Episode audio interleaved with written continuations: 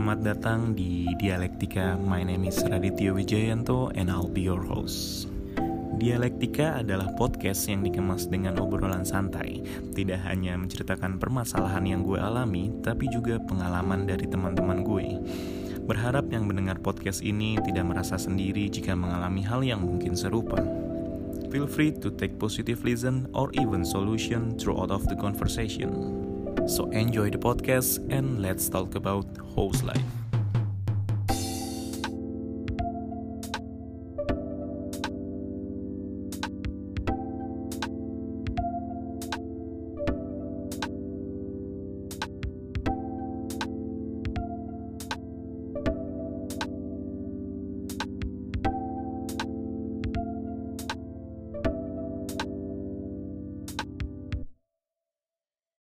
Selamat datang di podcast Dialektika. Masih sama gue Raditya Jayanto Well, terima kasih buat yang masih mau dengerin ternyata.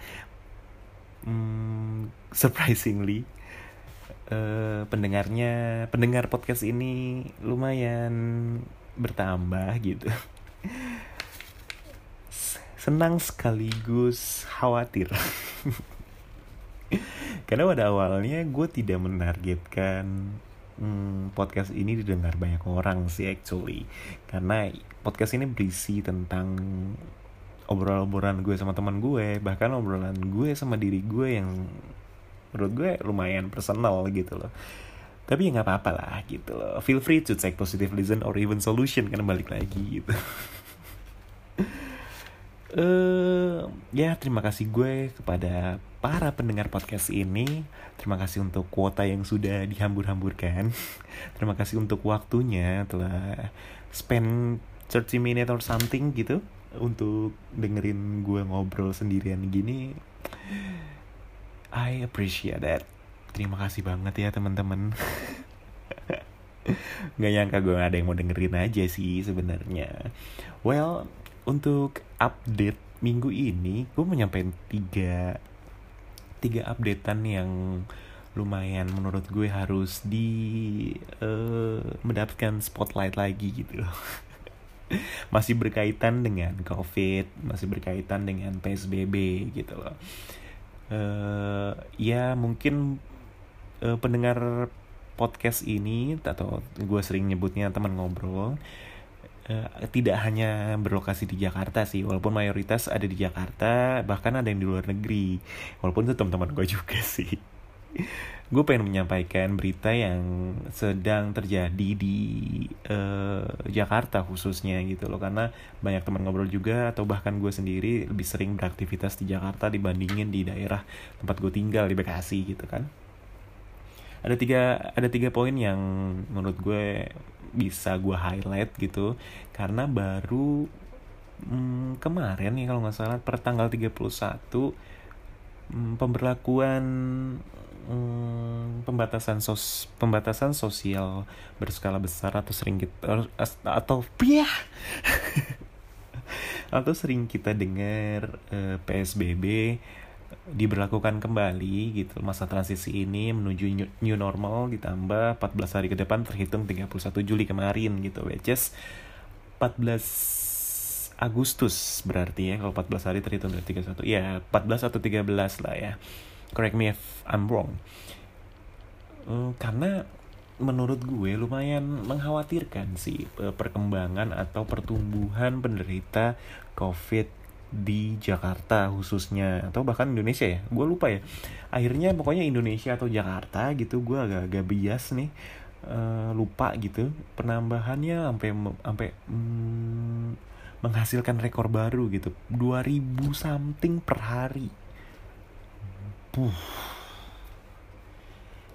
Gue sih ngeri sih gue dengernya karena gue lihat juga di beberapa tempat atau beberapa uh, ya lu nggak perlu kita nggak perlu samperin lah mana tempatnya atau kita nggak perlu benar-benar saksikan di jalan.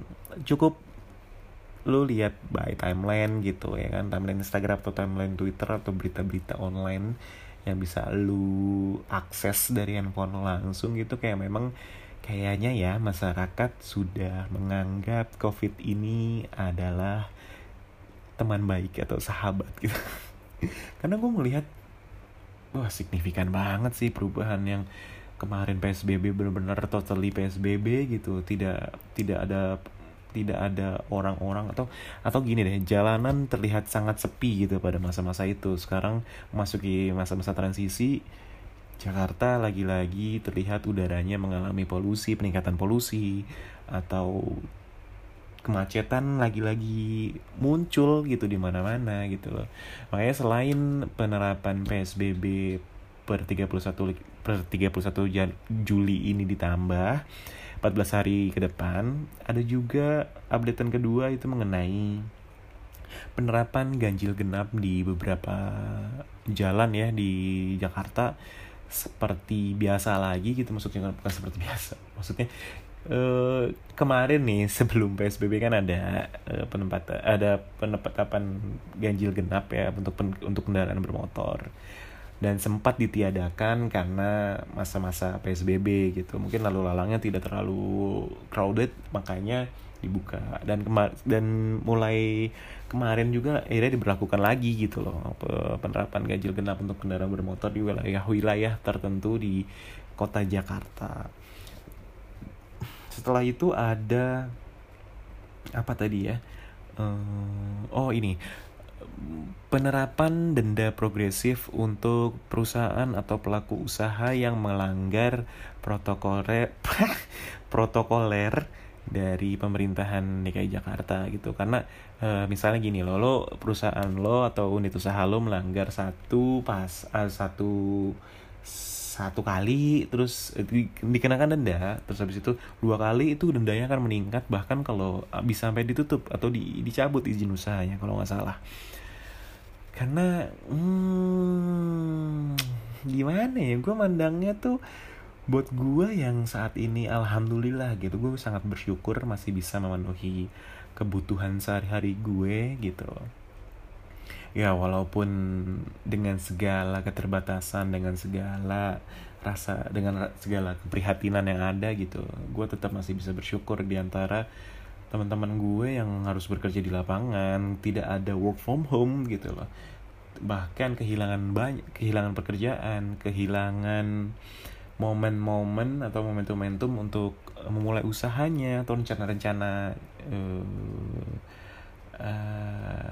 apa rencana-rencana kerjanya gitu loh. Di 2020 ini benar-benar kehilangan banget lah gitu momen-momennya. Mungkin uh, karena itu juga gitu pemerintah harus bersikap tegas untuk masalah ini menghindari untuk menghindari uh, apa ya hal-hal yang tidak kita inginkan juga gitu loh. Mengenai tentang hal-hal yang tidak kita inginkan kadang-kadang ada loh fase-fase di hidup terutama nggak usah deh gue gue lempar ini ke teman ngobrol semua gitu karena gue nggak tahu juga nggak tahu exactly teman-teman tuh pernah merasakan atau tidak gitu. Tapi rata-rata kayaknya semua manusia pernah mengalami momen-momen yang tidak diinginkan gitu loh unpleasant moment gitu. Bahkan kadang sampai segitunya kita menyalahkan diri sendiri gitu loh. Kita sering banget menghukum diri sendiri. Untuk khusus di episode ini gue akan membahas tentang seringannya kita menghukum diri sendiri ketika kita ditinggalkan seseorang yang kita cintai lumayan ya lumayan personal sih ini yang gue bahas episode kali ini tema ini di episode kali ini gitu maksudnya. So without further ado enjoy the podcast and let's talk about host life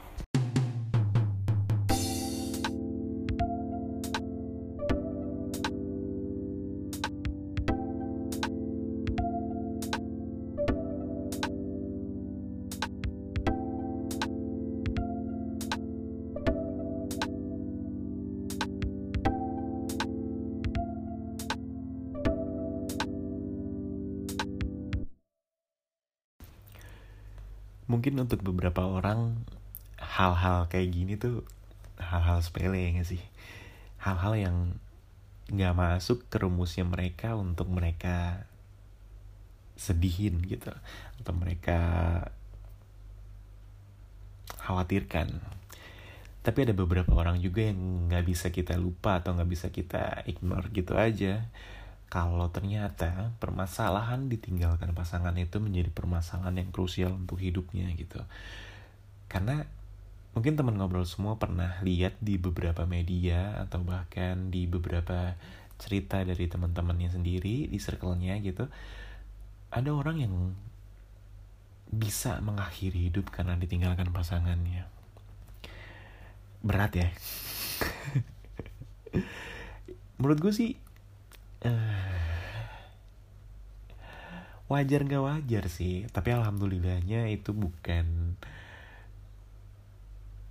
bukan kekhawatiran di diri gue maksudnya nah, nauzubillahimin zalik gitu ketika gue tinggalkan seseorang terus gue pengen ngakhirin hidup gue kayaknya mudah-mudahan itu tidak masuk dalam promosi hidup gue sih. Atau bahkan orang yang punya teman ngobrol yang punya pernah punya pemikiran seperti itu. Hmm, semoga setelah mendengarkan podcast episode ini bisa berpikir lebih uh, apa ya wise. Karena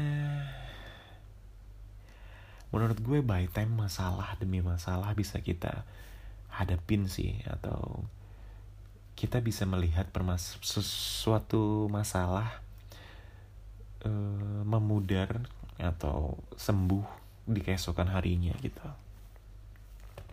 Karena kita pernah tahu sendiri mungkin di antara teman ngobrol semua pernah punya fase di mana kita sebegitu mempercayai seseorang uh, sebegitu sayang sama seseorang sebegitu melibatkan seseorang dalam hidupnya melibatkan seseorang dalam cita-citanya gitu. Dan tidak masalah buat gue karena kehadiran seseorang bisa banget memotivasi kita terhadap semangat kerja kita atau terhadap perbaikan diri kita yang lebih baik lagi gitu. Nggak jarang loh seseorang kita jadikan motivasi atau seseorang menjadi kita jadikan trofi untuk uh, kesuksesan diri kita sendiri.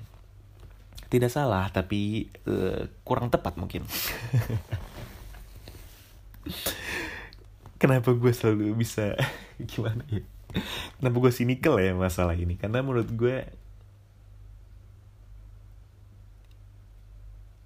ya enggak lah ya jangan sih kalau seseorang ya gue mungkin semua orang ada fase-fase di mana mereka menjadi bucin gitu kan. Gue juga lah pernah siapa sih nggak pernah jadi bucin di hidup? Tapi mungkin uh, by experience gue bisa mengatakan ini buat teman-teman ngobrol semua yang dengar podcast ini untuk ya Semoga tidak terjadi di hidupnya fase-fase seperti itu. Fase-fase di mana kita uh, menjadikan seseorang sandaran hidup. Fase-fase di mana seseorang adalah uh, prioritas penting di momen-momen hidup kita. Menjadikan seseorang adalah segala-galanya buat hidup kita makanya nggak heran ketika kita mendengar berita ada orang yang bunuh diri gara-gara ditinggalkan gitu. Karena mungkin ya dia menempatkan seseorang sekrusial itu di hidupnya gitu.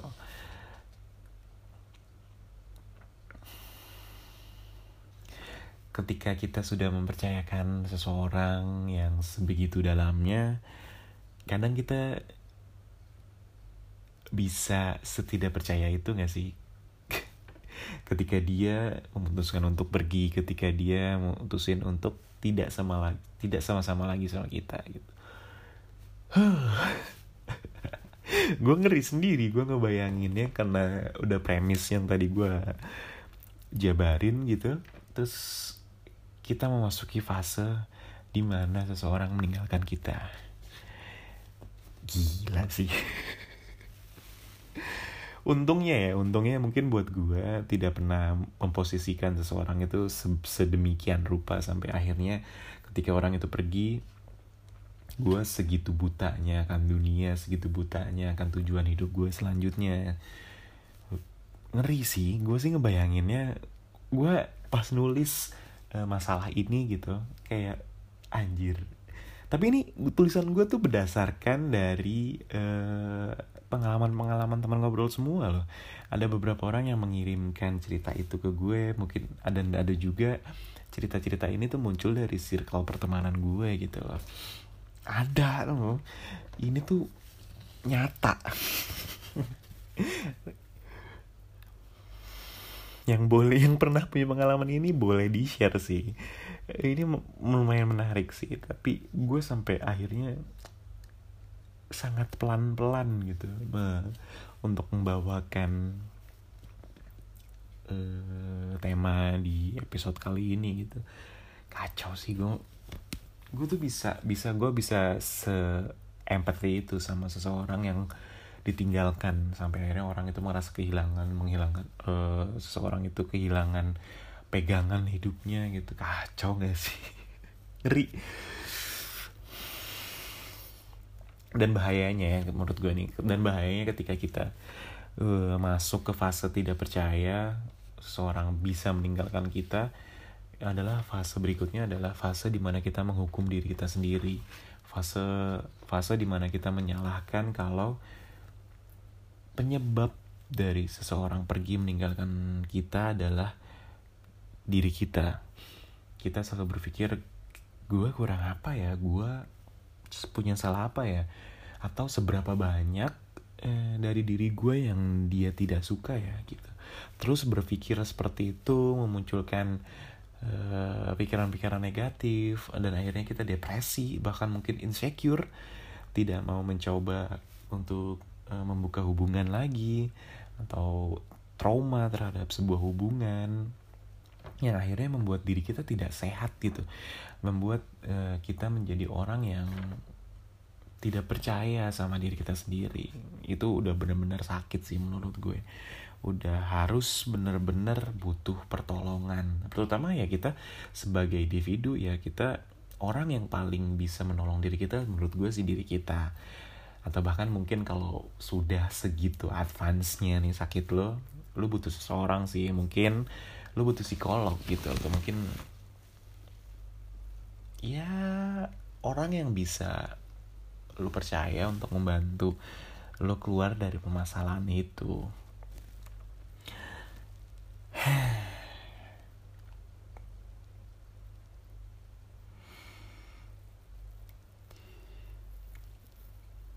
Setelah lama kita hmm, berada di fase berpikir um,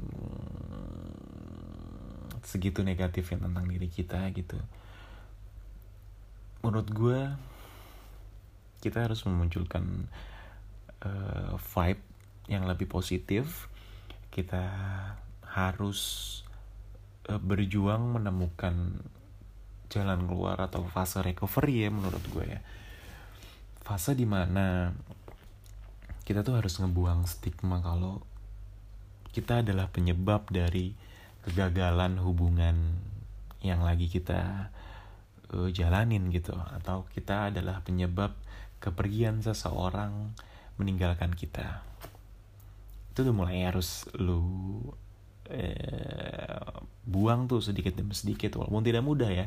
Tapi percaya deh by time lu bakal bisa gitu, melakukan hal itu gitu loh dan mungkin banyak banget eh, kadang-kadang yang ganggu atau yang bikin kita susah untuk menghilangkan rasa itu rasa-rasa di mana kita kecewa sama kegagalan itu adalah rasa bahagia yang kita punya ketika kita lagi eh, sama-sama seseorang itu dalam sebuah hubungan gitu loh. Tapi ketika lu punya ada rasa ada rasa-rasa yang membahagiakan pasti ada juga rasa-rasa yang menyedihkan. Lu harus pelan-pelan memunculkan itu untuk tetap seimbang gitu loh untuk berpikir lebih rasional. Ketika lu berhubungan sama seseorang tidak melulu hanya kebahagiaan yang lo rasain lo pasti punya rasa-rasa kecewa punya rasa-rasa uh, sedih. Lo harus munculin tuh untuk perlahan-lahan membuat diri lo merasa oh ya sebenarnya dibalik semua kebahagiaan di sebalik semua baik-baiknya seseorang itu saat berhubungan sama lo ada juga kok hal-hal buruk yang harus lu seimbangkan gitu dengan hal-hal yang baik. Karena itu bisa banget membantu sih menurut gue. Bisa banget e, menimbulkan rasa apa ya rasa seimbang itu yang tadi kayak gue bilang ya keseimbangan antara kebahagiaan dan kesedihan tuh harus tetap dimunculin. Karena itu membantu fase recovery lo menurut gue. Selain itu kegagalan dalam sebuah hubungan adalah sesuatu yang wajar. Uh, fase kegagalan atau fase patah hati menurut gue adalah fase kecil dari panjangnya fase-fase hidup lo yang semakin ya semakin gede atau semakin dewasa permasalahan hidup lo akan semakin pelik sih. Permasalahan hidup kita akan lebih menguras tenaga dan hati. Gue tidak menertawakan orang-orang lagi patah hati tidak. Gue juga pernah merasakan patah hati gue juga pernah sesedih itu pernah sekecewa itu. Tapi maksud gue hmm, ketika lo berhasil melewati fase patah hati yang menurut gue adalah fase kecil di kehidupan lo lo akan sadar gitu. Lo kan bisa menertawakan hal itu deh. Makanya gue tadi tuh agak-agak ketawa bukan ngetawain teman-teman ngobrol yang sedang mengalami patah hati ya enggak. Tapi menertawakan diri gue sendiri mengingat momen-momen patah hati gue dulu gitu. Karena menurut gue hidup ya bukan menurut gue sih harusnya kita pahamin gitu loh uh, karena hidup tuh nggak punya tombol pause yang bisa kita berhentiin terus kita nggak mau kita lanjutin. Karena hidup tuh terus jalan terus uh, like a snowball menurut gue. Semakin kita gelinding semakin banyak banget beban yang kita bawa semakin banyak juga permasalahan-permasalahan hidup kita yang lain. Ya petualangan-petualangan hidup kita selain patah hati itu banyak banget sih menurut gue. Banyak lah banyak lebih akan lebih complicated gitu dibandingin rasa patah hati. Walaupun tidak mengecilkan rasa patah hati segitu mengecek segitu menguras tenaganya sih menurut gue juga gitu. Dan gue tidak tidak apa ya tidak menyalahkan orang-orang yang lagi ada di fase sedih. Gue pun pernah ada di fase sedih, gue pun pernah ada di fase kecewa, gue pun pernah ada di fase marah. Menurut gue, ketika lo lagi ada berada di posisi itu, ya nggak apa-apa sih. Uh, terima aja atau uh, paha, uh, terima dan pahamin kalau lo memang lagi ada berada, berada di fase itu tapi saran gue sih jangan lupa bangkit juga. Karena ya lagi-lagi fase patah hati tuh hanya fase kecil di kehidupan gitu. Karena lu tuh berhak untuk mendapatkan kebahagiaan lain lu tuh berhak untuk menemukan mungkin seseorang yang lebih baik bukan lebih baik ya seseorang yang mungkin lebih cocok bisa lebih menerima lo atau bahkan mau bersama lo itu yang lebih penting sih menurut gue dibandingin lo terus membahas orang yang sudah pergi meninggalkan lo. Karena ya orang yang pergi meninggalkan kita itu bukan berarti semata-mata itu kesalahan kita doang gitu loh. Kita sering maka makanya kita sering menghukum diri kita gitu loh. Menurut gue orang yang meninggalkan kita adalah orang-orang yang punya pilih punya pilihan aja. Mereka memilih untuk meninggalkan aja gitu loh. Karena sebanyak apa pun lu punya alasan untuk mempertahankan atau untuk berada di sebuah hubungan seseorang akan menemukan alasan untuk pergi. Percaya deh.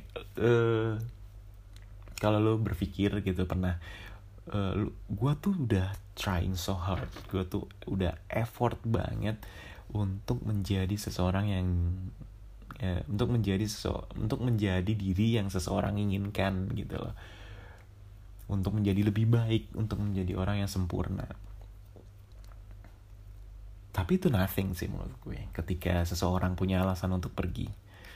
Cukup satu alasan orang menemukan alasan itu untuk pergi gitu loh menurut gue. Dari sejuta atau dari seribu effort yang lo pernah lakuin once orang itu untuk memilih pergi ya dia pergi aja gitu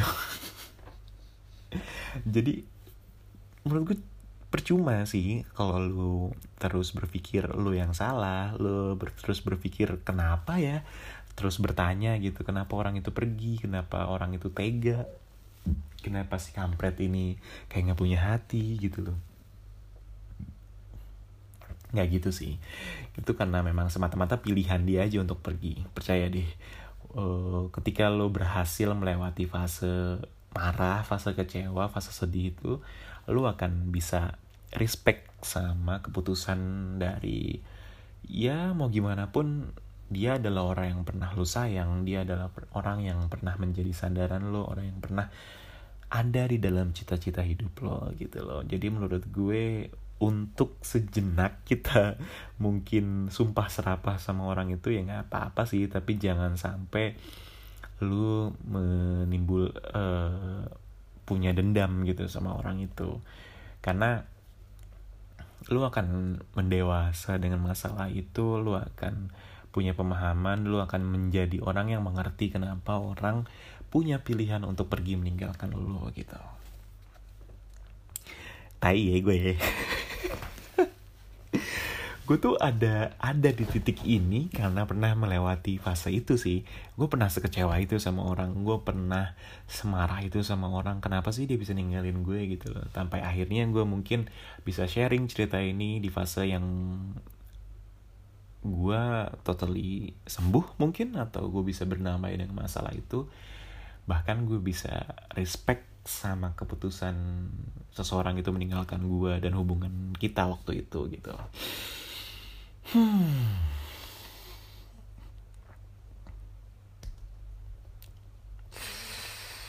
Apalagi ya? Mungkin teman-teman ngobrol pernah punya cerita serupa, bisa di sharing juga. Balik lagi, lu bisa cerita-cerita sama gue masalah ini, bisa hmm, ternyata lu tidak sendiri. Ternyata dengar dengar dengan dengar cerita uh, podcast di episode ini lu merasa oh ternyata iya benar juga ya nih kata nih orang nih kata si kampret nih kalau ternyata fase patah hati adalah fase kecil dari fase hidup kita yang hmm, luas banget gitu memang butuh waktu untuk sembuh, memang butuh apa ya, butuh usaha untuk melewati hal-hal itu. Tapi percaya ketika lo bisa melewati hal itu, lo akan mensyukuri, lo akan uh, berbicara sama diri lo kayak gila eh, hey hati gitu. ternyata kita bisa ngelewatin masalah sepelik itu ya. Ternyata kita bisa sembuh ya dari rasa sakit itu. Ternyata kita bisa uh, healing ya dari kekecewaan yang pernah kita alamin gitu. Loh dan lo bisa respect sama orang yang akhirnya ternyata waktu itu ninggalin lo. Nggak perlu lah ada dendam-dendam sih menurut gue tapi mungkin ada beberapa orang yang tidak bisa juga akhirnya berhubungan kembali sama mantannya gitu. Kalau menurut gue sih gue orang yang baik-baik aja sih sebenarnya sama mantan. Tapi ada beberapa mantan gue juga yang tiba-tiba ngeblok tiba-tiba unfollow atau tiba-tiba nggak mau lagi ketemu gue. Ada aja. Itu kan preferensi ya. Kalau gue sendiri sama beberapa mantan gue tetap ngobrol tetap berhubungan baik walaupun tidak intens dan nggak perlu intens juga sih karena udah mantan juga ya kan? Oke. Okay. uh, eh, gue rasa nggak terlalu banyak yang bisa gue bahas masalah ini karena gue takut menggurui gitu. Uh, eh, gue cuman mau sharing di episode kali ini karena gue pernah menjadi orang yang mungkin ada di fase sekecewa itu semarah itu bahkan sesakit itu buat teman-teman yang teman-teman ngobrol yang mendengarkan episode kali ini feel free to take positive listen or even solution throughout of the conversation between me and you of course. So thank you for having me. Uh, see you in the next episode at my podcast. See you